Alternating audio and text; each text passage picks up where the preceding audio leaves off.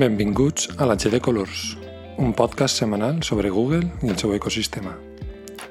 Avui repassarem com cada setmana les novetats del món Google i vos contaré la meva experiència que he tingut durant un any usant única i exclusivament l'ecosistema d'Apple i quines diferències he trobat ara que m'he passat a l'ecosistema Pixel. Comencem.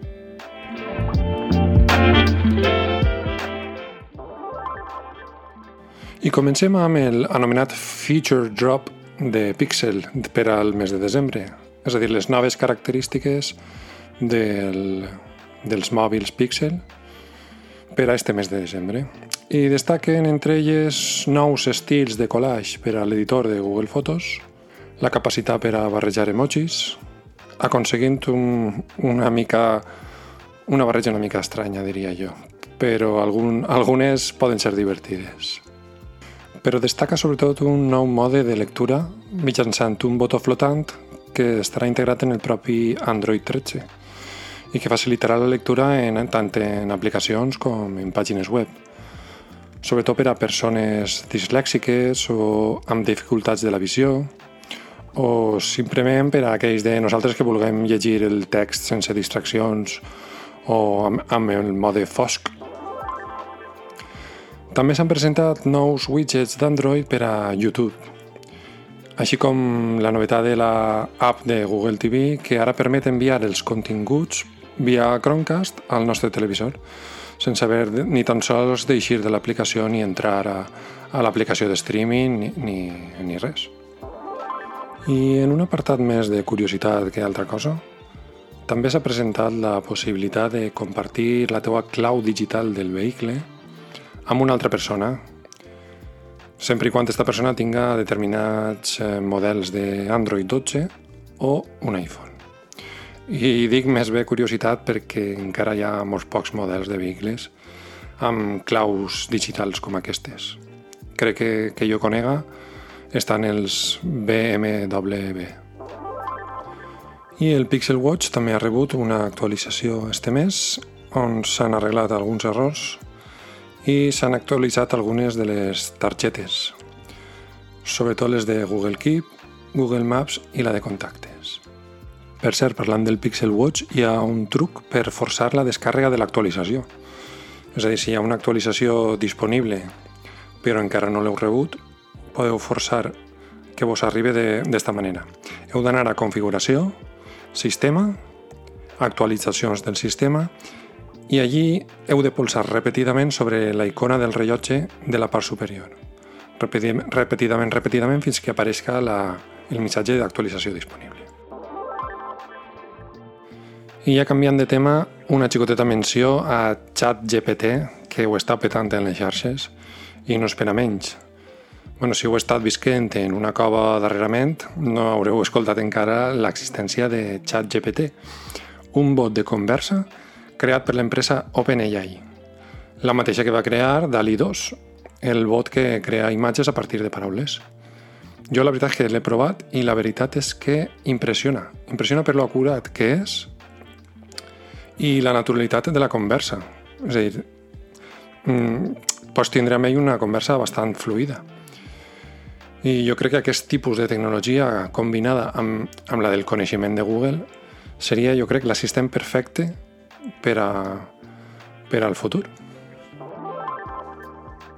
I un xicotet apunt sobre Android 13 que ara permetrà deixar el Wi-Fi connectat inclús amb el mode avió.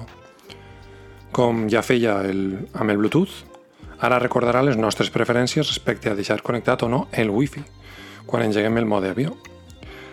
Ja no sé si podem seguir dient-li mode avió, si només ens tallarà el que és la línia telefònica sobretot tenint en compte que el mode avió deixarà de ser obligatori, segons ja hem pogut conèixer. I ara passem a parlar de Chrome OS. I és que, segons hem pogut saber, a partir de la versió 110, els Chromebooks adoptaran el llenguatge de disseny Material U, sobretot als menús i a les preferències del sistema. Jo crec que és un impuls visual i en favor de la cohesió de l'ecosistema, i parlant de Chrome, bueno, en este cas del navegador Chrome, Ara serà més fàcil buscar entre l'historial i les pestanyes obertes.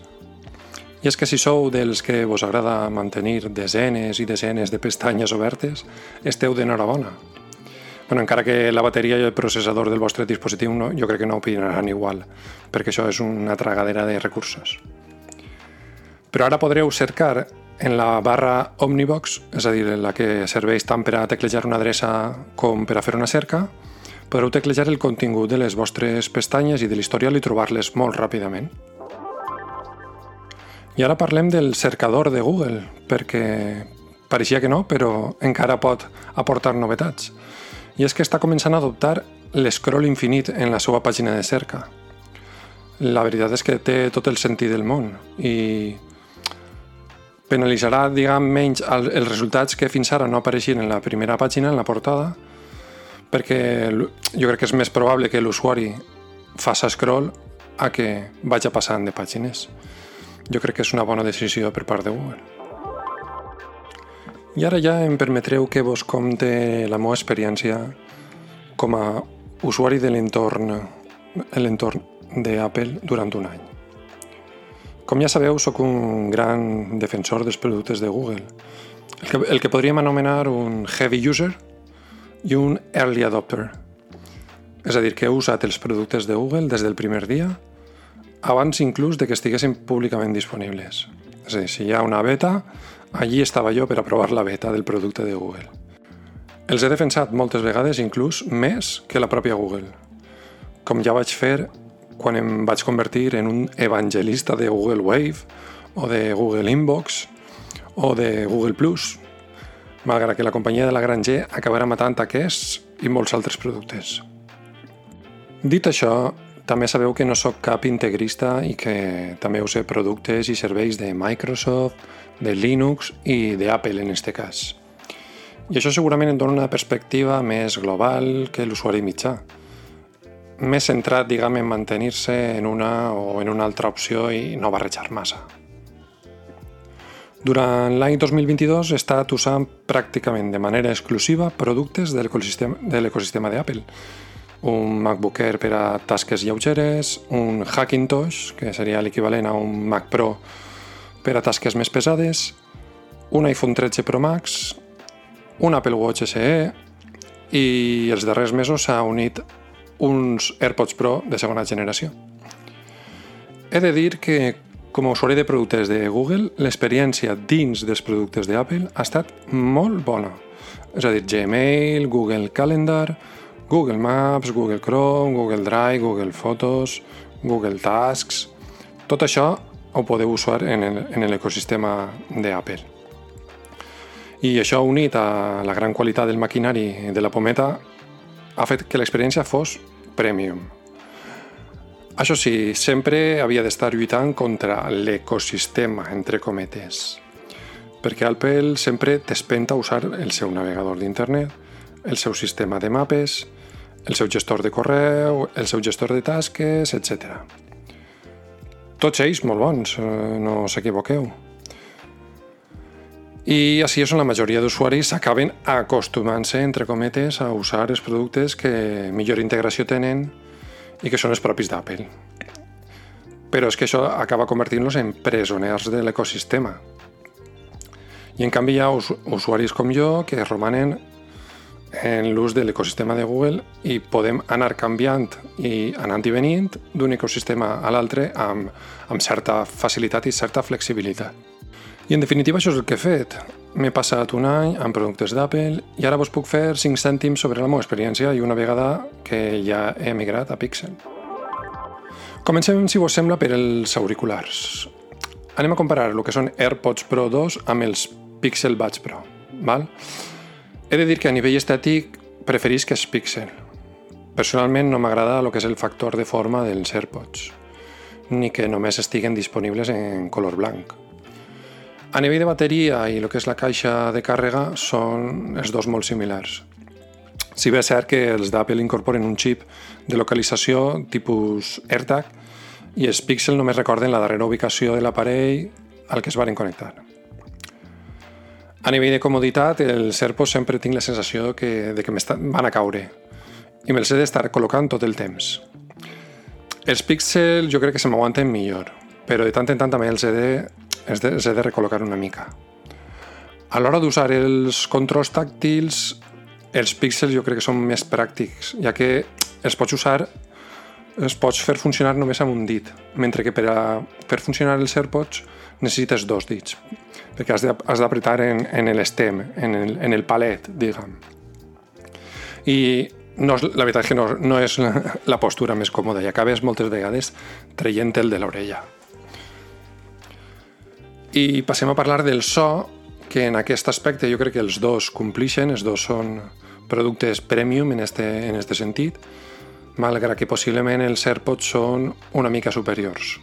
Sobretot en el mode transparència, que he de dir que en els AirPods és com si no portares auriculars, és una passada. I en el tema de cancel·lació de soroll, més o menys estan a la part. A la millor eh, els AirPods un, una mica millor. I pel que fa a l'àudio espacial, bé, doncs no, no és una cosa que jo aprecie massa. I a més, Google ha confirmat que estaran disponibles també als Pixel a partir de gener. Passem a parlar ara del mòbil. iPhone versus Pixel. Anem a veure. Jo he estat usant l'iPhone 13 Pro Max des del mes de gener d'enguany i des del minut 1 que tens un iPhone a la mà, tens clar que estàs davant d'un producte premium. És a dir, la qualitat dels materials, el disseny, la presentació són, jo crec que, insuperables. I a més a més, una vegada comences a usar-los, el quedes immediatament enganxat del sistema de navegació per gestos. Jo no sé què té, que te genera com una dopamina el veure manejar-se les finestres i la fluidesa en la, que, en la que navegues a través de les diferents pantalles. A més de, per supost, la cohesió que té el sistema operatiu i la integració eh, de tots els serveis al llarg i ample de tot l'ecosistema, és a dir, el rellotge, l'ordinador, la tauleta, tot perfectament sincronitzat i tot a l'uníson. No hi ha eh, pega per aquest aspecte. I el sistema iOS en deixa aquella sensació de filosofia de JazzWorks, és a dir, que no és massa bonic, ni personalitzable, però fa el que se li demana i ho fa bé i ho fa ràpid. Amb el Pixel 7 Pro tinc la sensació d'estar davant d'un telèfon més, més a nivell de, de disseny normal. És a dir, eh, jo tinc la sensació de que el disseny dels telèfons d'Android de, porten estancats des de fa 20 anys. No hi ha massa innovació en eixe, en eixe sentit, malgrat que Google ha portat el seu toc en, en la barra de càmeres i tot el que vulgueu, però és el que és. On sí que el meu parer guanya el Pixel és en, en l'experiència del sistema operatiu Android. Per a mi està molt més integrada en els productes de Google que, que en iOS, evidentment, i és molt més personalitzable i flexible i te la pots deixar al teu gust. I pel que fa a la bateria, l'optimització i la integració que dona ser el fabricant tant de hardware com de software ens diria que, que és un punt a favor dels dos, ja que els dos són creadors tant del hardware com del software. Però per alguna estranya raó, la bateria de l'iPhone 13 Pro Max és d'una altra galàxia. És una, és una barbaritat. O sigui, donant-li molta canya, aguanta sobradament 24 i 36 hores i les que li tires.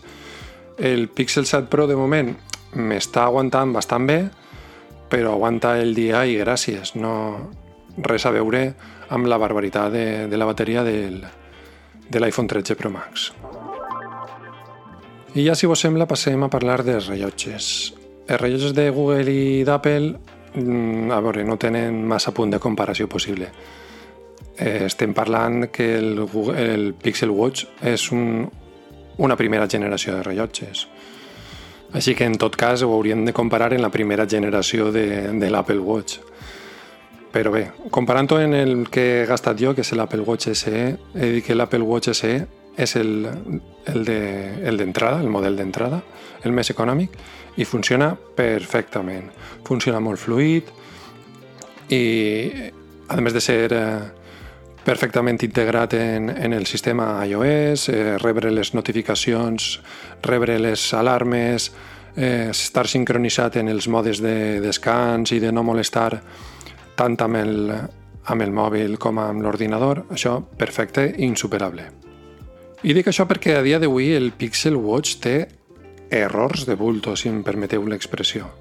Com, per exemple, no tindre sincronitzades les alarmes del mòbil i del rellotge.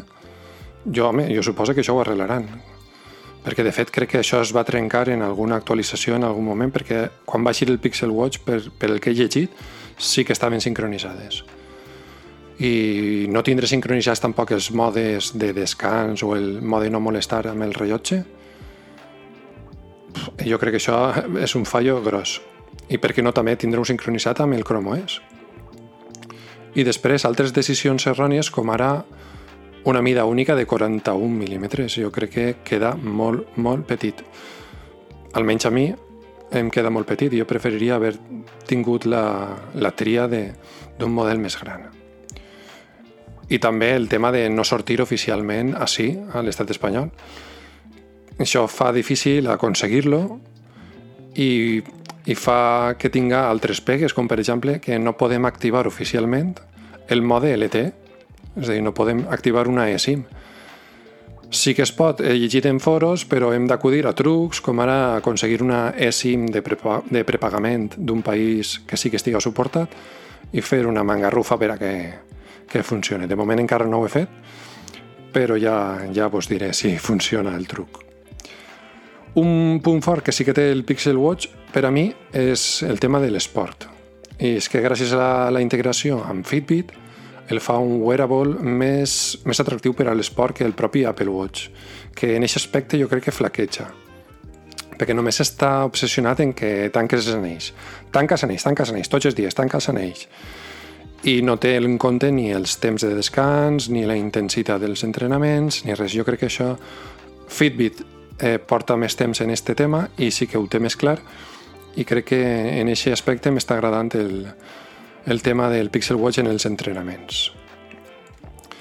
En definitiva, jo crec que el Pixel Watch serà divertit veure com, com el van millorant amb actualitzacions i estarem expectants sobretot de la segona generació si és que Google, Google no mata el producte abans, com, com ha fet en el Pixelbook.